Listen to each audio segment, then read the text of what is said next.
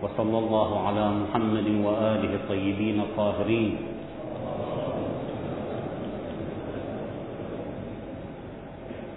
السلام عليكم ورحمة الله وبركاته. كنا قد تحدثنا عن علامات الظهور وكان من المفروض في بادئ الأمر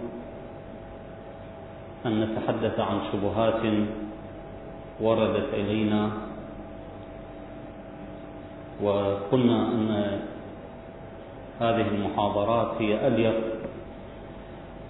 في طرح هذه الشبهات ولكن طلب الأخوة في التعرض لعلامات الظهور ألجأنا أن نتعرض لبعضها؟ وإن كانت رغبات بعض الأخوة حفظهم الله تعالى. التعرض إلى مسألة الانتظار. والآخر يقول لو تعرضنا إلى أمور الغيبة وهكذا. وقلت في جواب الأخوة جميعا أن رضا الناس غاية لا تدرك. ولكن نحن بإذن الله تعالى إذا حاولنا أن نتابع هذه المحاضرات لعلنا نوفق في أن نتعرض إلى ما يهمنا من أمور الغيبة والانتظار إضافة إلى التعرض لعلامات الظهور. وكان اعتراض بعض الأخوة وهذا اعتراض جميل واقعا. أنا لا يعني لا أقول في هذا الاعتراض شيء ولكن قالوا لي أن علامات الظهور هي علامات غيب قضايا غيبية. كيف نتعرض للغيب؟ أنا أقول أن مسألة الإمام المهدي عليه السلام من أولها إلى آخرها هي مسألة غيبية سواء على مستوى علامات الظهور أم على مستوى الانتظار أم على مستوى الغيبة لأننا قرأنا هذا الغيب من خلال روايات وردت عن أئمة أهل البيت عليهم السلام. نواصل في هذا اليوم مسيرة السفياني القادم من الشام. وكما قلنا أن هذا الرجل ذو الطموح العريض في تأسيس دولة قوية في بلاد الشام تخرج عليه عدة رايات وذكرنا أن هذه الرايات هي راية الأبخر والأبقع والمغربي وبعض الروايات تقول بدل المغربي المصري وبالتأكيد سيكون هناك صراع بينه بين السفياني وبين هذه الرايات حتى تكون الغلبة للسفياني بالتأكيد. إذا انتهى السفياني من التغلب على هذه التيارات السياسية والأجنحة المعارضة له سيكون همته التوجه إلى العراق ويتوجه إلى العراق بجيش جرار الروايات تشير على أن هذا السفياني سيتقدم برأية صليبية. يحمل الصليب. ومعنى حمله للصليب لعله سيكون تحالفا بينه وبين الغرب يلجئه إلى الامتداد إلى أعماق العراق. فيتوجه إلى العراق وذكرنا أن هناك ملحمة ستحدث عند وصوله للحدود العراقية. وهذه الملحمة ستكون على نهر الخابور منطقة تسمى قرقيسيا على نهر الخابور وكأنها مثلث حدودي بين العراق وتركيا وسوريا. تحدث هناك مواجهة بين جيش السفياني من جهة وبين الأتراك من جهة أخرى وبين الجيش السفياني نفسه. فيكون قتال ومعارك طاحنة حتى يؤدي الأمر إلى ضعف جيش السفياني ضعفا يجعله من غير الممكن أن ينفذ ما يصبو إليه. لكن مع هذا سيتجه من الموصل باتجاه بغداد. هدفه الكوفة ولكن خط مسيره هو الموصل ثم المناطق الغربية من العراق. لكن قبل وصوله إلى المنطقة الغربية المنطقة الغربية ستواجه السفياني قبيل وصوله, وصوله إلى العراق بقيادة عوف السلمي كما ذكرنا على ما أظن. قبل المحاضرة قبل المحاضرة. ذكرنا أن عوف السلمي أيضا رجل صاحب حركة سياسية يقيم في المنطقة الغربية وبالتحديد في تكريت. يحاول أن يوقف هجمات السفياني وتهديداته. فيتوجه إلى يقصد دمشق وتحدث هناك المعركة ويقتل عوف السلمي في مسجد دمشق. إذا المنطقة الغربية أيضا منطقة ساخنة. تصد السفياني لا لشيء وإنما خوفا من استحواذ السفياني سياسيا على هذه المنطقة.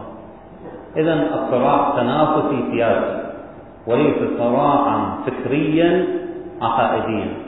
فرق بين الصراع السياسي وبين الصراع العقائدي الصراع السياسي سيكون بين رايات الأصهب والأبقى وبين السفياني وأيضا راية عوف السلمي.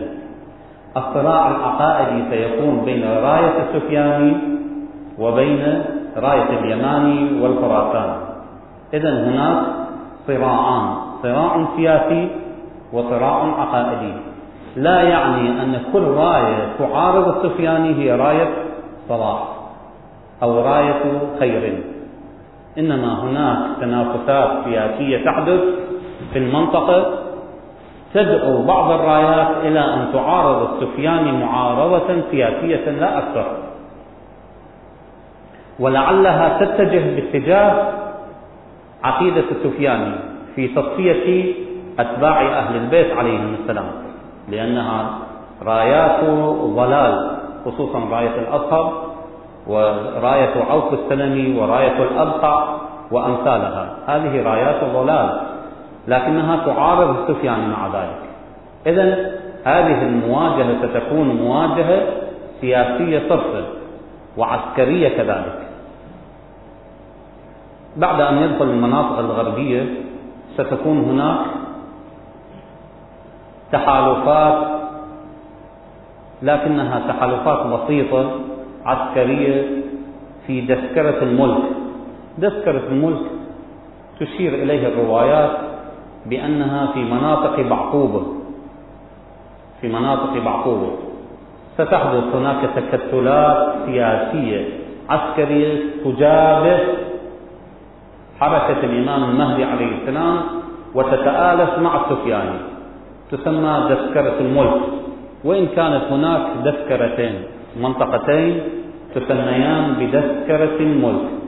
منطقة في الموصل ولعلها ليست هي المقصودة ومنطقة في بعقوبة في خانقين بالذات تسمى دسكرة الملك.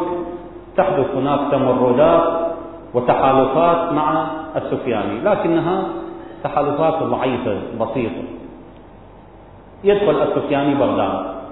دون أن يجد هناك معارضة حقيقية. نعم هناك معارضات لكن هذه المعارضات لا تقوى على صد السفياني وعلى حركة السفياني فيدخل بغداد ويحدث ما يحدث في بغداد من القتل والترويع ثم يترك بغداد متجها إلى الكوفة. قبيل وصوله إلى الكوفة ستحدث هناك تحالفات بينه وبين شخصية معروفة يعني معروفة ولائها للسفياني لكنها متسترة. هذه الشخصية تسمى بالشيطباني. الشيطباني اسم من أسماء الشيطان ليس اسمه الشيطباني إنما لقبه لقب الشيطان. الروايات تقول هذا يخرج كما أو ينبع كما ينبع الماء. دلالة على أنه يفاجئ أهل الكوفة ويفاجئ الكوفيين في حركته. من أهل الكوفة. ويظهر الولاء لأهل البيت. ويظهر الولاء لأهل الكوفة.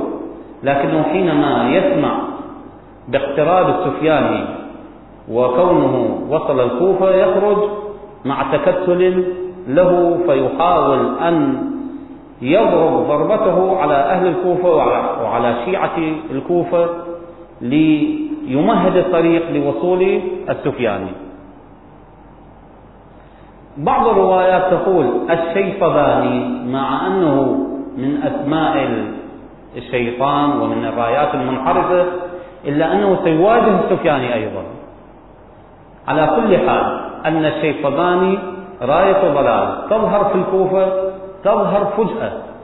ولذلك تعبير الروايات بأنها بأنها تنبع رايته تنبع كما ينبع الماء دلالة على مفاجأته لأهل الكوفة. فيمهد الطريق للسفياني بأي حال سواء كان معارضا للسفياني أو كان حليفا للسفياني سيمهد الطريق بقتله لشيعة أهل البيت عليهم السلام. لأن هذا أخطر من السفياني حقيقة. كيف أخطر؟ لأن الشيطباني معدود من أهل الكوفة ويتظاهر بالتشيع لأهل البيت ويجعل نفسه من المتحرقين لشيعة أهل البيت وعلى مذهب أهل البيت وإذا فجأة يظهر فيقتل من شيعة أهل البيت من يجده هذه خطورة الشيطباني لكنها تنتهي بسرعة تنتهي ثم يدخل السفياني لكن يدخل ضعيفا. منهوك القوى. لأن قضية القرقيسية حقيقة ملحمة عظيمة. تنهك السفياني وجيش السفياني بشكل لا يقوى على تحقيق أهدافه. ولذلك تشير الروايات إلى أن هذه المأدبة مأدبة الله. معركة قرقيسيا تسمى بمأدبة الله لكثرة ما يقتل من جيش السفياني ومن جيش الأتراك. فلذلك حين يدخل إلى الكوفة يدخل مهدود القوى منهكا لا يقوى على شيء. لكن مع هذا السفياني لا يعني أن لا يشكل قوة خطر. سيشكل قوة خطر. وسيقتل من أهل الكوفة مقتلة عظيمة. يقتل مع أنه ضعيف يدخل إلى الكوفة ضعيف مهزوم. لكن يقتل من أهل الكوفة مقتلة عظيمة. ويبيد العلماء يبيدهم ويقتلهم. والغريب في الأمر أن السفياني حينما يدخل إلى العراق يأتي معه فريق من العلماء. يأتي معه فريق من العلماء. السفياني يحاول في بادئ الأمر أن يرفع شعار إصلاح كما قلنا. السفياني لا يريد أن يتجاوز الحدود الحدود الإسلامية في مظاهره. ولذلك ستكون في بادئ الأمر رايته راية إصلاح. حتى أن بعض الروايات تقول حينما يحكم السفياني ويعدل يقولون هذا هو السفياني الذي كانوا يتحدثون عنه. هذا رجل مصلح. رجل مصلح. يأتي بالعلماء معه لكن العلماء الذي يأتي يأتون مع السفياني يأتون بالقوة وبالقهر غير مقتنعين على ما يفعله السفياني كما ضربنا مثال أنه يأتي العلماء معه كما أتوا مع عبيد الله بن زياد إلى الكوفة حينما جاء بعض شيعة علي عليه السلام مع عبيد الله بن زياد بالقهر والقوة وبالتهديد. فلذلك يدخل السفياني ومعه من العلماء. إذا دخل السفياني ومعهم جمع من العلماء إلى الكوفة يظهر الإصلاح في باب الأمر قبل القتل. يظهر الإصلاح لاحظوا. يظهر الإصلاح فإذا أظهر الإصلاح في هذا اليوم سيكون هناك حالة انحراف عقائدي قراءة مغلوطة لحركة السفياني سيكون هناك تبادل بين جمع من جماعة السفياني وبين مجموعة من جماعة الرايات الهدى رايات هدى رايات التشيع. هذه تقرأ السفياني قراءة مغلوطة. تتصور أن السفياني رجل مصلح ولذلك يسمى هذا اليوم يوم الأبدال يتبادل جيش بجيش مجموعة بمجموعة. مجموعة بمجموعة لأنه يظهر الإصلاح. هذا ما يشير وما يؤكد إلى أننا يجب علينا أن نعرف علامات الظهور. فإذا عرفنا علامات الظهور لا يختلف علينا حركة السفياني وأمثال حركة السفياني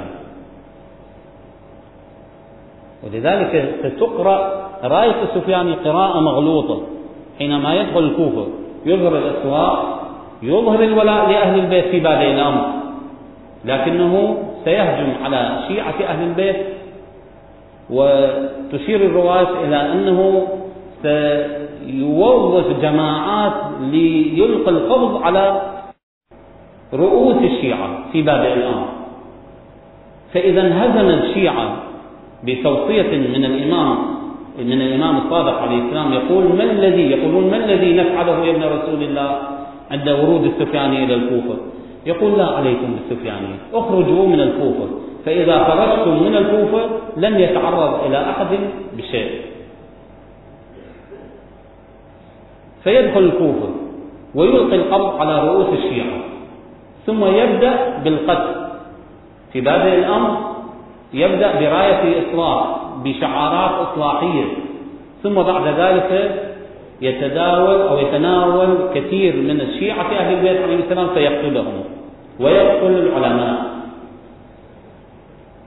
في هذه الأحيان يستقر السفياني بعد هذه المقتلة لشيعة أهل البيت يستقر في مسجد الكوفة.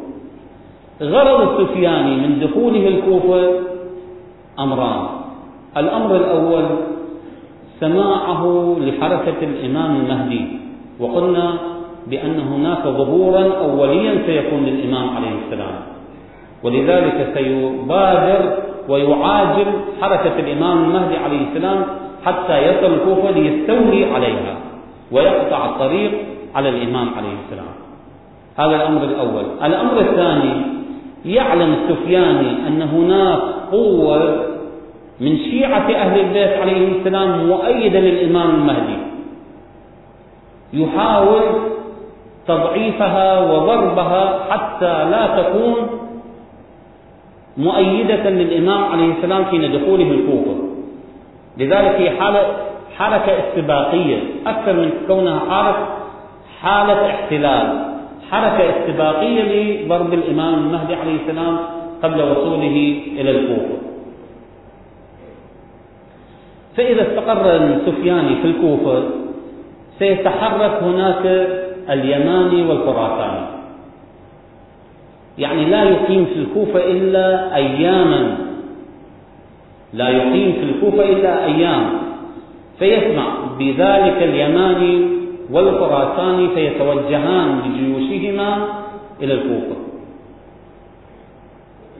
في هذه الحال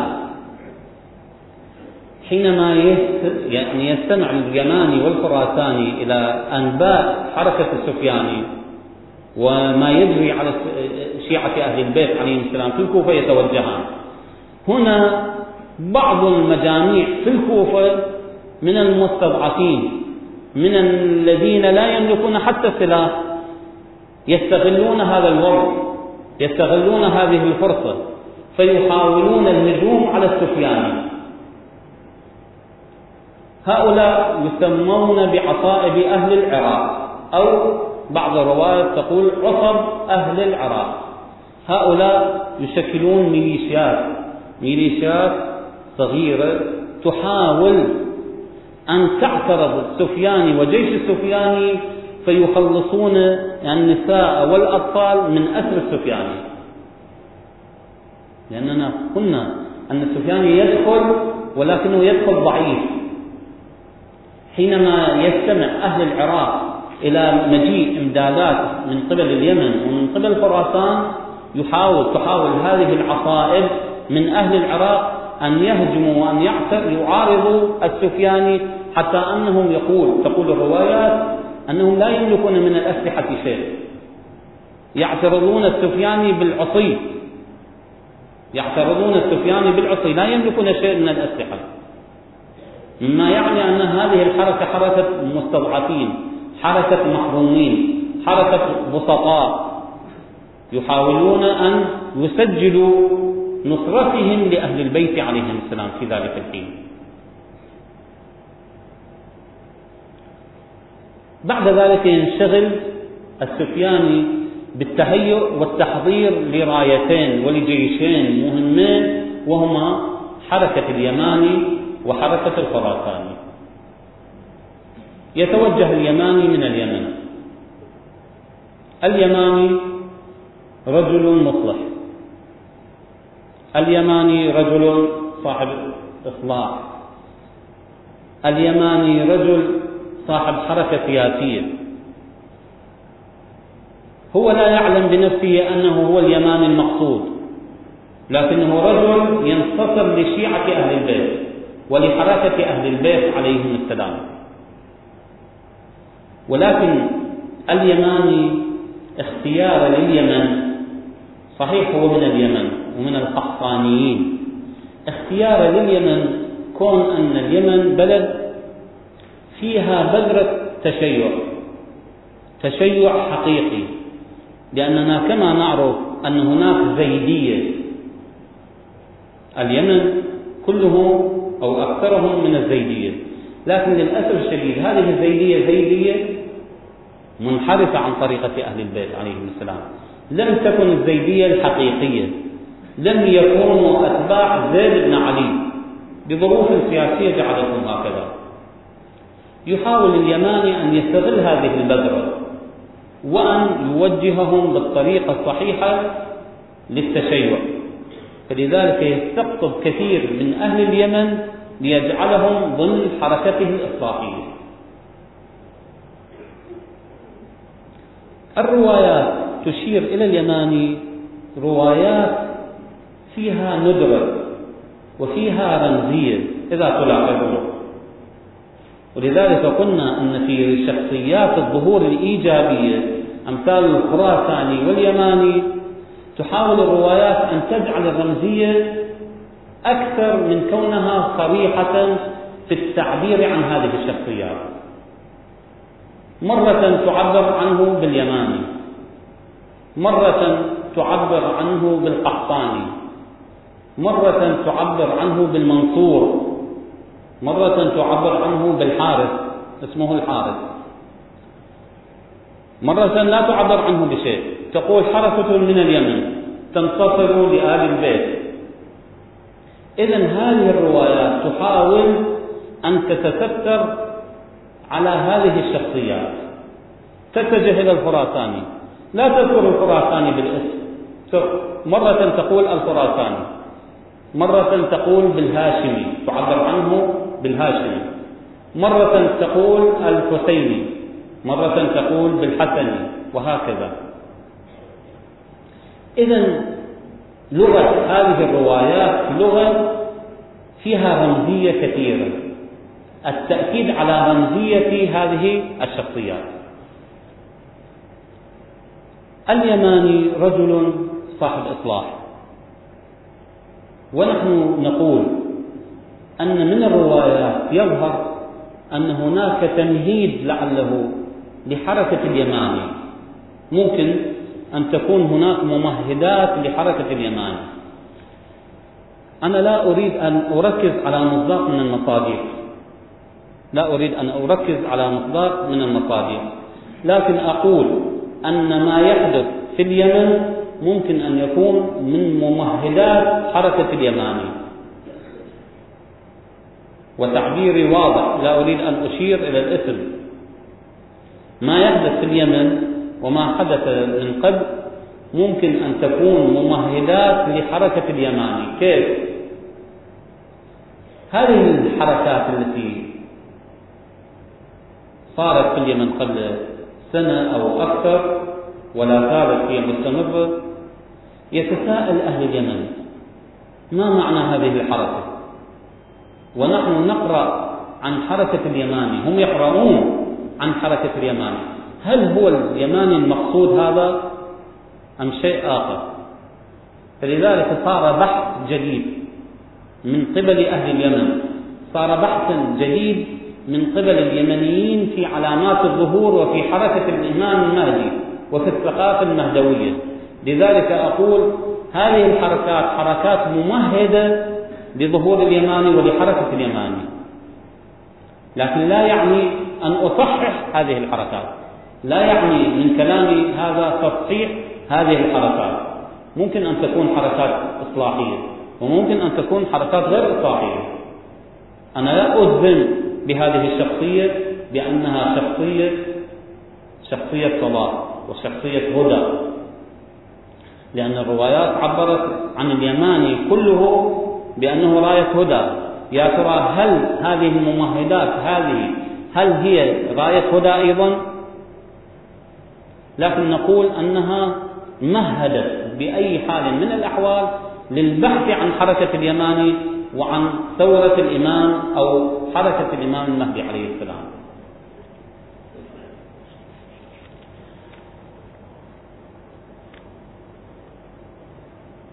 لكن لماذا اختار اليمن حركة لإصلاحه أو حركة أو نهدا أو منطقة لتحركه؟ كما قلنا أنه استغل البذرة الشيعية بذرة الزيدية. بذرة الزيدية. والآن إذا سمعتم الأخبار تتناقل أن هناك حركة تشيع في اليمن. قراءة جديدة لأهل البيت ولخط أهل البيت عليهم السلام. قراءة جديدة من قبل أهل اليمن. وهناك تكتلات شيعية رائعة.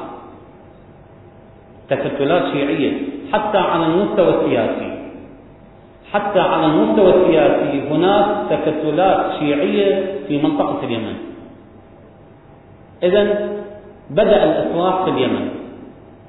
وبدأت حركة التشيع في الأمن تنهض في اليمن تنهض نهوضا جديدا. وتراجع قراءتها لمذهب أهل البيت عليهم السلام. وتراجع زيديتها من جديد.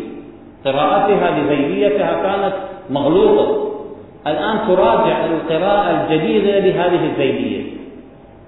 ولذلك تجد أن هناك تكتلا شيعيا وممارسات إصلاحية في داخل المجتمع اليمني. وهذه من البشائر بإذن الله. الروايات تقول أن اليماني رجل ممكن أن يكون سياسي. ممكن أن يكون رجل دولة لأن هذه الروايات تشير إلى أن اليماني رجل ملك اليمن. تعبير الروايات ملك من اليمن. يخرج فيلتقي بالسفياني مما يعني أن أن هذا هذه الروايات تشير إلى أن اليماني رجل سياسي ورجل دولة. ممكن أن يكون رئيس دولة وممكن أن يكون رئيس تجمع لحركة سياسية. ولذلك يستغل وجوده وقوته هذه السياسية والعسكرية لصد حركة سفيان. الروايات تشير إلى أن هناك ثلاث رايات. هي راية الخراساني وراية اليماني وراية السفياني. لكن أي هذه الرايات أهدى بالتأكيد أن السفياني راية ضلال. تبقى عندنا راية الخراساني وراية اليماني. رايتان أيهما أهدى؟ الروايات تشير إلى أن راية اليماني هي أهدى الرايات. راية اليماني هي أهدى الرايات. هل هذا يعني أن راية الخراساني راية ضلال؟ مع أنها تخرج بنصرة الإمام المهدي عجل الله فرجه. هل تعني أن راية أن التصريح برأية اليماني بأنها راية هدى هل يعني أن راية الخراساني راية ضلال؟ لا يستفاد من الروايات ذلك. وإنما الإشارة بأنها راية هدى لأن راية اليماني راية صافية لأهل البيت عليهم السلام. في ولائها. من اعتبارا من اليماني إلى أقل شخص في جيشه. توجههم توجه خالص. توجه لا يشوبه شيء. فيها ولاء فيها نكهة من التفاني لأهل البيت عليهم السلام. لكن هذا لا يعني أن يكون اليماني سفيرا عن الإمام المهدي عليه السلام أو وكيلا عنه أو نائبا عنه. رجل موالي لأهل البيت عليهم السلام صاحب جيش صاحب حركة عسكرية. حينما سمع بالتعدي على أهل الكوفة وعلى شيعة الكوفة حاول أن يصد السفياني وينتزع حقوق الكوفيين من يده.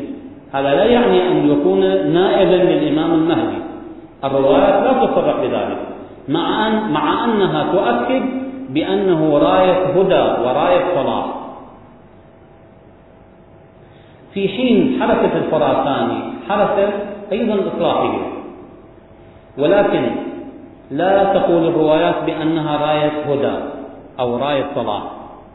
تقول أن الخراساني رجل مطلق ولا يشوبه شك في توجهه وفي تشيعه لأهل البيت عليه السلام.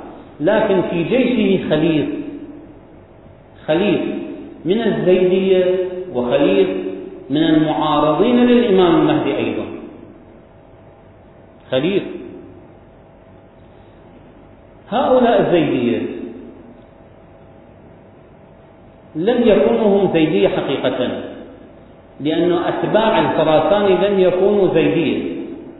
إنما هؤلاء صفة لهذا التوجه أو لهذا الاتجاه بأن كل شخص يقوم بالسيف ويتصدى لأمور الأمة فهو إمام. فكرة الزيدية لديهم فكرة الزيدية لديهم ولم يكونوا هم زيدية حقيقة. ولذلك سيواجه الإمام المهدي عليه السلام من جيش الخراساني معارضة قوية معارضة قوية سيواجه. يستتيبهم يعترضون عليه ثم يستتيبهم ثلاثة أيام يحاورهم يحاول أن يوقفهم على الحق لكن لا ينتهون. ولذلك يأمر بقتلهم وتصفيتهم إذا هم لم يكونوا زيدية إنما حركتهم وتفكيرهم تفكير زيدي لأن الزيدية تقول كل إمام أو كل رجل هاشمي يقوم بالسيف فهو إمام. ولذلك حينما يتبعون الخراساني يتبعونه بأنه إمام مفترض الطاعة لأنه قام بالسيف فهو رجل هاشمي. هذه القراءة قراءة مغلوطة للخراساني وجيش الخراساني سيكون فيه تعداد عظيم لعله الثلث أو الثلثين من جيش الخراساني من هؤلاء من هؤلاء الزيدية. الذين يفكرون تفكيرا زيديا مغلوطا. اتجاه آخر في حركة الخراساني اتجاه غير موالي لأهل البيت. اتجاه سياسي. يحاول أن يستغل حركة الخراساني للقضاء على السفياني ليس انتصارا للإمام المهدي عليه السلام وإنما انتصارا لأهداف سياسية كامنة في نفوسهم. هؤلاء أيضا لم يكونوا جيشا قويا أو عقائديا. ولذلك حينما تقول الروايات بأن أهدى الرايات رأية اليماني من هذا الباب. لكون أن اليماني جيشه جيش حقيقي وعقائدي ولي يعني لم يتعرض إلى انتكاسة عقائدية كما يتعرض إليه جيش الخراساني. مع ذلك يتوجه اليماني إلى الكوفة ويحاول القضاء على حركة السفياني وفي نفس الوقت أيضا يتحرك الخراساني باتجاه الكوفة ويحاول أن يلتحم مع مع السفياني لنصرة شيعة أهل البيت عليهم السلام في الكوفة. مما يعني أن الكوفة ستكون محط أنظار شيعة العالم جميعا. الجميع يدافعون عن شيعة الكوفة. الجميع ينتصرون لشيعة العراق. اليماني في اليمن والخراساني في خراسان وغيرهم. كل هؤلاء ينظرون إلى الكوفة بأنها قبلتهم. قبلة التشيع. لأنها مهد الإمام المهدي عليه السلام. عاصمته. ولذلك الدفاع عن شيعة العراق أو شيعة الكوفة دفاعا عقائديا وتكليفا مشروعا سيجده اليماني والخراساني ولذلك سيتجه اليماني والخراساني إلى السفياني في الكوفة سيكون هناك صراع عنيف. يبدو من الروايات أن حركة اليماني أو راية اليماني ستخسر المعركة. يبدو هكذا. يبدو من الروايات أن هذا الصراع العنيف وهذا القتال العنيف سيهزم جيش اليماني أو يخسر المعركة. يخسرها عسكريا. ينسحب اليماني. وينسحب معه كذلك الخراساني. لكن يبقى السفياني ضعيفا. يبقى السفياني ضعيفا. ويعين في ذلك الوقت واليا أو مسؤولا على الكوفه يتركه ويتوجه إلى مكة والمدينة. ينسحب الخراساني وينسحب اليماني انسحابا تكتيكيا. ينسحبان انسحابا تكتيكيا. يحاولان أن يلتحمان مع السفياني في منطقة يلتقيان هما والإمام المهدي عليه السلام عليه السلام ولذلك حينما يتوجه السفياني ولعل هذا الانسحاب التكتيكي يخادع السفياني فيتوجه لمن؟ إلى المدينة فيقتل فيها مقتله كما تشير إليه الروايات يقتل فيها بعض شيعة أهل البيت هناك فإذا ترك المدينة وتوجه إلى مكة سيحدث القتل. يحدث القتل. فإذا حدث القتل ينتهي جيش السفياني من أوله إلى آخره ولا يسلم إلا هو. لأنه هو لم يقد جيشا لم يقد السفياني لم يقد جيشا السفياني شخصية مهزومة كما قلنا. السفياني شخصية ضعيفة. رجل جبان. مهزوم خائف. هو لم يقد جيشه. إنما هناك قيادات عسكرية لجيش السفياني هو يكون في منطقة يوجه جيشه يوجهه. ولذلك بعض الروايات تشير إلى أن السفياني حينما يجد هذه الخسائر المادية في جيشه ويحدث الخسف يتراجع ويعلن البيع للإمام المهدي عليه السلام. يعلن البيعة للإمام المهدي عليه السلام ويقول يا ابن رسول الله يا ابن العم عذرا عما قدمت وعذرا عما فعلته. الإمام المهدي عليه السلام عند ذلك تقول الرواية يعفو عنه عفو يعني عفوا ظاهريا ولا يريد أن يعاقبه في نفس الوقت بل يأمر بعض جيشه وبعض أنصاره بقتله وسيأتي إن شاء الله لاحقا. التفصيل في ذلك بإذن الله تعالى والحمد لله